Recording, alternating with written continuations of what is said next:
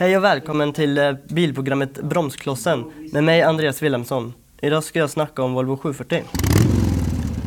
700-serien introducerades med Volvo 760 som lanserades i februari 1982. 1984 kom den enklare och billigare systermodellen Volvo 740, vilket blev eh, volymbilen. Först ut var 740 GLE med BR23-motor som hade insprutning och eh, 130 hästkrafter.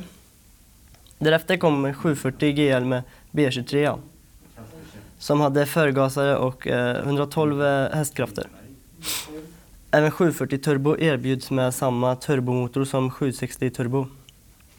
Volvo 740 utvecklades i Sverige och Nederländerna och monterades och byggdes främst i Sverige och även i Belgien. Det finns både i kombi och sedan. 740 är en enkel uppbyggd med en självbärande kaross, rakställd radmotor med växellåda. Fäst direkt bakom en bit in i Kardentunneln.